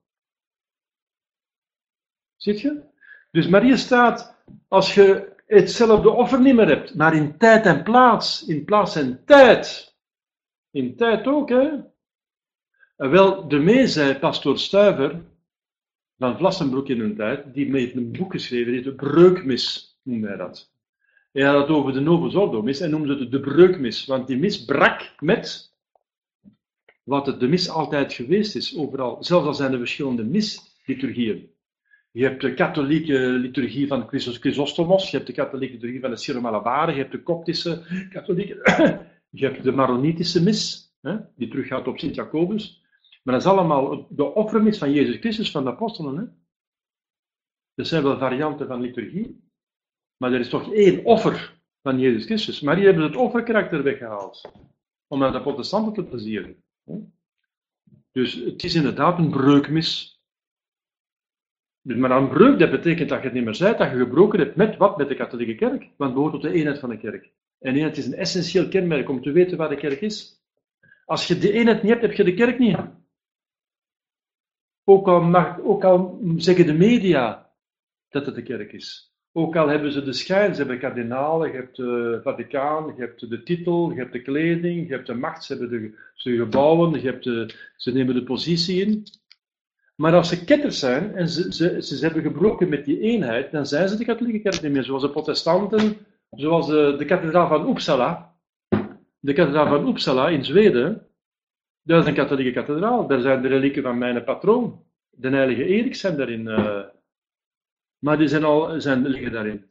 Maar al eeuwenlang, sinds de 16e eeuw, is dat in de handen van de protestanten. Dus het was een katholieke kathedraal, maar die, je kunt het nu toch niet meer katholiek noemen. Kunt je de, de, de, de, de kathedraal van Uppsala, spijtig voor de reliquie van de heilige Erik, want de, de, de reliquie van de heilige Erik zullen in alle eeuwigheid katholiek blijven, want eh, die reliquie, die reliquieën zullen verrijzen. Want bij de verrijzenis gaat God bij voorkeur de materie nemen die nog overblijft van je lichaam hier op aarde. Dat is Sint Thomas. Dus het enige wat nog katholiek is in de kathedraal, dat zijn de beenderen van, zijn, van wat er overblijft van van de heilige Erik. Maar je kunt die kathedraal toch niet meer katholiek noemen na 400 eeuwen, pardon, vier, vier, vier eeuwen, 400 jaar dat ze in handen van de, van de protestanten is. Wel, de, is de Rooms-Katholieke Kerk heilig? Ja, ze is heilig. Wel, daar zullen we de volgende keer over hebben, want we, hebben meer dan uur, we zijn al meer dan een uur bezig. En uh, ja, zijn er nog vragen? Ik zie geen vragen verschijnen. Dus als u kijkt, ziet u dat een, een chat, dus een, een babbel, een spreekmogelijkheid is in uw logistiek. Dus als je vragen kunt stellen, moet je ze stellen. Ik zie geen vragen verschijnen. Zijn hier nog vragen hier op de plekken? Alles is klaar en duidelijk, helder. Je hebt gesproken over katters, maar uh, ja. er zijn ook semi-katters. Er zijn ook ah ja, semi-katters, ja. Er zijn semi-ketters. Wat is een semi-ketter? Wel, een semi-ketterij is eigenlijk begonnen met uh, Tarianisme. Omdat het juist door de, de, de, de, de, keizer werd opgelegd, was, drukte het zeer zwaar. Er werden mensen gewoon, uh, uit een kathedraal verdreven, ze werden verbannen, ze werden gedood, ze werden mishandeld, ze werden gegezeld, ze werden onterfd, ze werden, ze werden bestolen, ze werden verjaagd, ze werden verbannen. En niet alleen bisschoppen, maar ook priesters en diakens en monniken en, en mensen en gelovigen en, en vrouwen en kinderen en zo. Eh. Dus een ongelooflijk, ongelooflijk onoverzichtbaar lijden. En alleen maar voor één enkel punt. Namelijk dat uh, uh, de Zoon van God, dat Jezus niet substantieel is met de Vader. Ofwel substantieel. Homoousios of homoiousios. Het ging over een jota. Maar een jota die veel betekent. Is hij gelijkaardig aan de Vader of gelijk aan de Vader? Dus wij zijn mensen allemaal gelijkaardig aan de Vader, want we zijn naar Gods beeld en gelijk geschapen, maar we zijn niet gelijk de Vader. De Zoon is gelijk de Vader, want hij is één. Hij is één God, drie personen. En wel, daar ging het om over. En wel, maar voor dat ene punt is er zo'n onnoemelijk eeuwenlange lijden, omdat, de, omdat, de, omdat er dan, voor zover er, er waren ook katholieke uh, keizers, maar gaat ook, uh, als ze Ariaan waren, dan is een lijden. En dan kon je eraan ontsnappen. Er zijn mensen die, die dachten, ja, we gaan nu toch voor dat ene punt, gaan we toch niet al een boel hier laten verziekeren. Ik ga als bischop toch niet aan mijn kudde verlaten voor één enkel punt. Laat ons erover zwijgen. Ik ga gewoon de catechismus geven als het is en we zwijgen over heel die controverse. En wel, de kerk heeft het als zevenjarianen beschouwd. Wat zijn semiketters? Dat zijn mensen die niet de ketterij voorhouden, maar een gedeelte van die ketterij, of de ketterij niet bestrijden, of dubbelzinnige formulieren uh, uiten, die dus de ketterij uiteindelijk uh, niet uh, duidelijk weerleggen. En dat je niet goed weet, is het nu. Uh, dus dat, dat die ketterij of dat omstreden punt niet duidelijk naar voren wordt gebracht, dat je nu eigenlijk weet aan welke kant dat ze staan. Dat noemt de kerk semiketters, maar die semiketterij is ook door de kerk veroordeeld. Hè? Ja, die, heeft, die, heeft, dat is, dat is, die wordt door de kerk niet vereerd, die wordt door de kerk veroordeeld. Hè? Dus een ketter is iemand die duidelijk en hardnekkig een punt voorhoudt, dus, een, eh, dus in tegenstrijd is met een bron van het geloof. Hè. Er zijn twee bronnen van het geloof, de Heilige Schrift, voor zover die duidelijk is, en de traditie, voor zover nog heilbaar is natuurlijk. Hè. Het gaat niet over kleinigheden. Ehm, wel, een semi-ketter is iemand die dus een ketter niet openlijk bestrijdt, die de indruk geeft dat het hem dat, het is, dat, is, dat is meer gelaagd, in het Duits. Dat kan me worst wezen, in het Vlaams. We zeggen, je weet niet of die ketter is, maar je weet ook niet of dat hij geen ketter is. Dus het, uh, hij, hij, heeft geen goesting om in ballingschap te gaan. Hij is wel katholiek, maar heeft geen goesting om daarvoor in ballingschap te gaan en alles achter te laten, zijn bezittingen, zijn familie, of, als bischop zijn, zijn, zijn, zijn, zijn, achter te moeten laten. Wat er in de punt, begrijp je? Dat zijn eigenlijk opportunisten. Dat zijn opportunisten. Die eigenlijk geen ketters zijn, maar die eh, de ketterij dus eh, niet bestrijden. Of een formule aannemen, een gedeelte ervan, om, om dus goed te staan met alle partijen. Omdat ze gedeelte van die formule nog aannemen die eigenlijk nog kan uitgevoerd worden in de goede zin, maar die uiteindelijk door de ketterij uh, min of meer wel uh, bevoordelen. Staan ze goed met de ketters en ook met de anderen, met de katholieken, omdat ze dus tussen de twee, ze hebben een dubbelzinnige. Dat zijn semi-ketters, hè. Johannes 23 staat van semi-ketters. Oh ja, ja, ja. Dat wel, ja. Van Johannes 23 kun je niet zeggen dat een ketter is, want je, kunt het maar wel een semi-ketter in die zin dat hij gezegd heeft, dat is echt het principe van, dat is één van de, want je hebt verschillende categorieën van semi-ketters. Iemand die een gedeelte van de ketterij overneemt, of die uh, de ketterij niet veroordeelt, of die uh, de ketterij niet, als hij moet, niet bestrijdt. Huh? Een bischop moet de ketterij bestrijden. Als hij niet bestrijdt, ja, dan, uh, maar hij verkondigt ze zelf niet, maar bestaat ze niet. Ja, dan zit je toch ook in de semiketterij. En wel, Johannes 23 kun je semiketter noemen. Want die heeft gezegd in het begin van het concilie, uh, wij gaan nu, dat was een principeverklaring, wij gaan vanaf nu niet meer veroordelen. We gaan vriendschap maken. Vriendschap. Goedheid, liefde. Hè? We gaan vriendschap maken met iedereen. Met de communisten, met de protestanten, met de anglikanen, met de orthodoxen, met de joden, met de vrijmetselaars, met iedereen, met iedereen, niemand uitsluiten. We gaan met iedereen vriendschap sluiten. En om vriendschap te sluiten, moet natuurlijk, eh, gaan we dus niet meer veroordelen. We gaan niet meer uh, de, de, de, de, de stiefmoeder uithangen.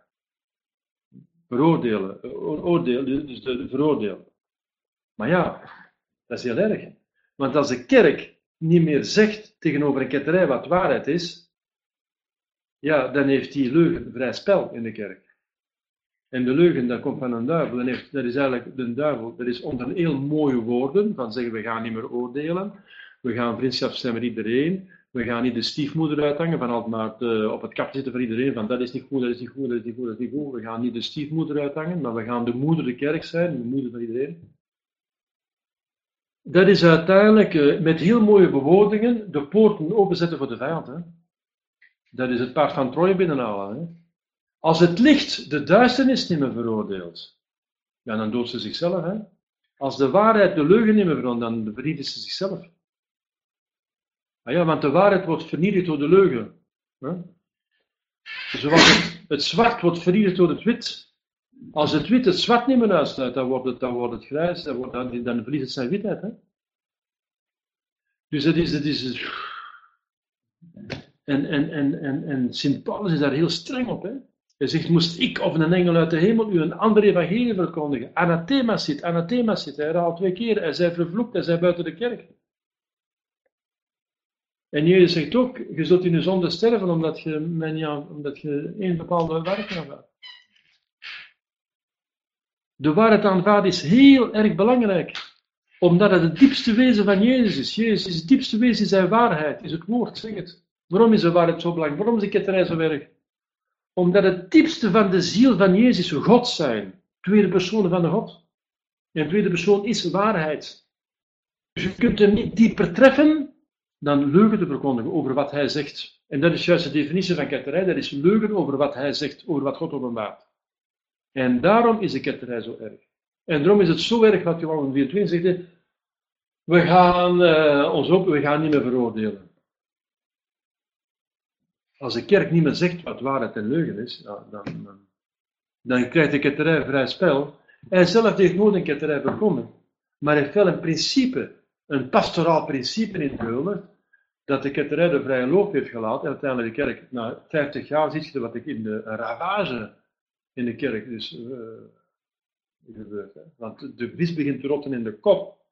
Als de waarheid niet meer duidelijk is, dan, dan is de kop aangetast. En als de kop aangetast is, ze zeggen de vis begint te rotten aan de kop. Hè. Dat wil zeggen, als de kop aangetast is, dan volgt het ganse lichaam. Hè. U had nog een vraag? Een zeer goede vraag, dat is een zeer goede vraag. Zeer interessant, ja. Maar hij was nog in de kerk, maar het was een zware zonde zeker in zijn positie als ah. Tenminste, uh, het was een zware zonde in zijn positie. Uh, ja, kijk, objectief wel.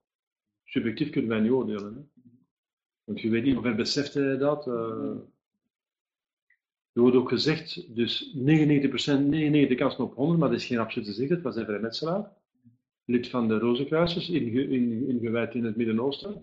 En hij toen deze naam van Johannes gekozen. Verschillende auteurs spreken erover, maar we hebben geen zekerheid. In ieder geval, de vrijmestelaars hebben hem wel gefeliciteerd. Hè? Eh, voor en na zijn dood hè, hebben ze gezegd, ja, dat is wel ik, iemand van ons, hebben ze wel gezegd. Maar ja, wil dat zeggen, iemand van ons? Dat wil zeggen, iemand die een gunstig gezind is. Uh... In ieder geval, Johan 23 was een slechte paus wat dat betreft. Hij heeft de kerk dus het principe gegeven van de afbraak van de kerk. Een hele slechte paus. De laatste goede paus was Pius XII. Maar met geen macht meer. Want de kerk was al geïnfiltreerd. Hij zei, mijn macht houdt op aan, aan die deur hier zijn, van zijn kamer. Ik heb er vorige keer over gehad. Pius was de laatste goede paus die nog effectief echt uh, alles heeft hersteld. Pius XII was een goede paus, maar die geen macht meer had. En Johannes 23 was een geldige paus, die de boel heeft afgebroken met een slechte paus. En vanaf Paulus VI kreeg je kettische pausen vanaf november 64, vanaf zijn Vaticaan II afkondigt, met de ketterijen die ik juist bij u gezegd heb, dan krijg je dus kettische pausen. En vermis dat de ketterij buiten de kerk zit, krijg je uiteindelijk uh, te maken met antipausen. Als je dat doet. Dus want, want om tot de kerk te behoren, moet je in eenheid zijn. En als je dus niet meer in eenheid bent, met, dan zijn behoort niet meer tot de kerk. Hè. Het is raar dat Johannes 23 zo open stond voor al die dingen wat u daar zegt. Ja. Terwijl dat de, de, de toestand ook veel normaler was dan nu. Ja, het is na dat Johannes 23 open stond voor zoveel uh, andere dingen, terwijl toen nog veel normaler was. Ja. ja. Je kunt je vragen, hoe komt dat, hè? Maar wij weten hoe dat het komt. Wij weten hoe dat het komt. Omdat de kerk gefiltreerd is door vrijmetselaars, die de macht over de kerk willen, omdat ze een wereldregering willen installeren. En een wereldregering kan alleen maar geïnstalleerd worden als de kerk onder controle is. Want de kerk eh, controleert op aardbeurt 1 miljard 200 miljoen gelovigen. En om een wereldregering, een wereldtirannie te organiseren, moet je dus die, moet je dus, uh, die andere instanties die de, die de mensen controleren, zoals de kerk, moet je dus in je hand hebben. En de hebben zich gefiltreerd. En, en, de en dat zijn vrijmetselaarsideeën. Vrijheid, gelijkheid, broederschap van de vrijmetselaarsrevolutie zijn vertaald geweest door godsdienstvrijheid, ecumene en collegialiteit. Dat zei kardinaal Sunes ook. Kardinaal Sunes, die vrijmetselaar is, want Don Luigi Ville heeft dat bewezen, die zei na het concilie, ah, wat een geluk, de Franse revolutie is eindelijk aanvaard in de kerk. Ah ja, vrijheid, uh, uh, liberté, égalité, fraternité, eh, godsdienstvrijheid, ecumene en collegialiteit. De drie hoofddwalingen van wat ik, van wat ik aan het weten is. Franse revolutie zijn die ideeën van mensen in de kerk binnengebracht. Van de revolutie. Dan hebben de vrijmetselaars dat eigenlijk al vooruit gezien? Ah ja, ze hebben dat vooruit gezien. Dat is al in de 19e eeuw dat ze mee bezig waren. Ja, maar ook van die dingen homofilie en dat allemaal. Oh ja, natuurlijk. Zelfs, die, de, zelfs de, de, de, de islam. Dat, die, dat die, dus die, die invasie van de islam is 100 jaar geleden door Paak al besloten geweest. Al georganiseerd, al voorspeld geweest, al voorgesteld geweest. Ja, dus uh, die werken goed tegen de mensen Maar dat is dus um, dat is dus de oorzaak van de... We gaan even stoppen hier als er geen vragen meer zijn. We gaan even, uh, uh, ik zou zeggen, dus een pauze nemen, pauzeren. Geen vragen meer?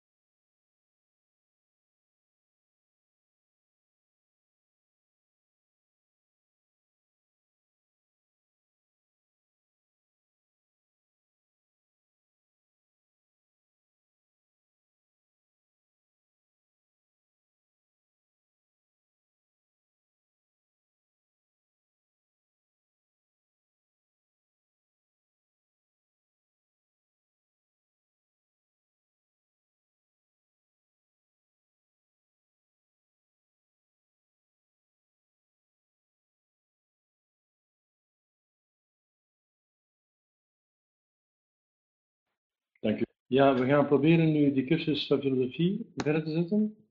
Maar ik denk dat het uh, passend is dat we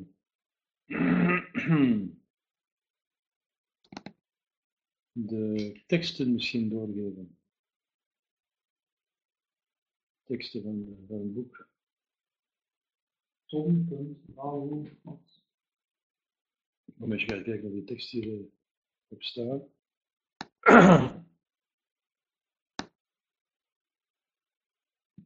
uh,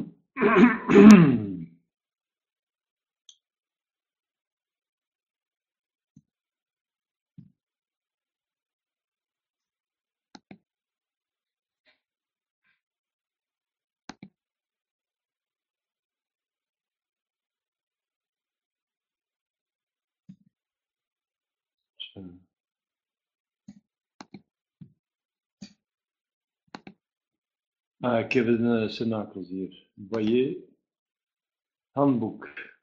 Ik heb hier. Handboek. Wat is bladzijde 100? Ah, hier heb ik het hier. Ik heb het hier, ja. Ja, ik zou het kunnen doorsturen. Waar is het dan? Uh, Tom. ja, dus uh, heb jij het al aan Tom gezegd? Hm? Heb jij het al aan Tom uitgelegd? Dat we bezig zijn? Nee, nog niet. Dus Tom ziet mij, ik hoop dat hij mij hoort. Uh, we gaan nu proberen de teksten te doorkomen, doorkomen, want anders is het moeilijk om de, om de filosofie te volgen. Dus we doen de teksten toekomen op uw e-mail. Ik zie hier Tom Lalo staan, die wil volgen. Dan gaan we de teksten doen toekomen. Waar we het vandaag zullen over hebben. Dus je zegt Tom, punt, punt Lalo, met kleine lettertjes, hè?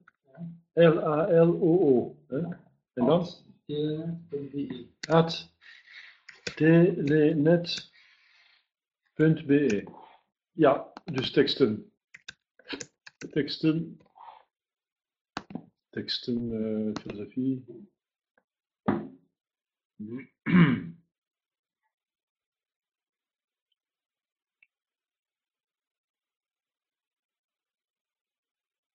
Ja, dus dan heb ik ze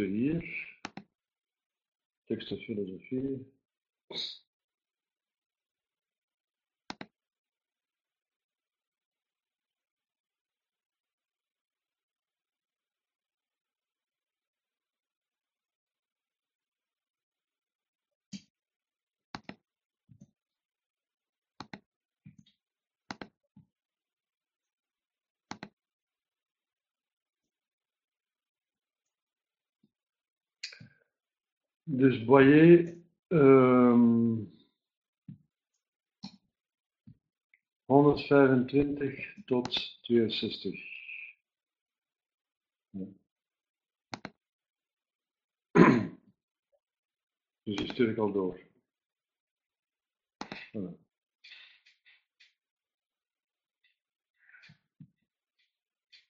Zo.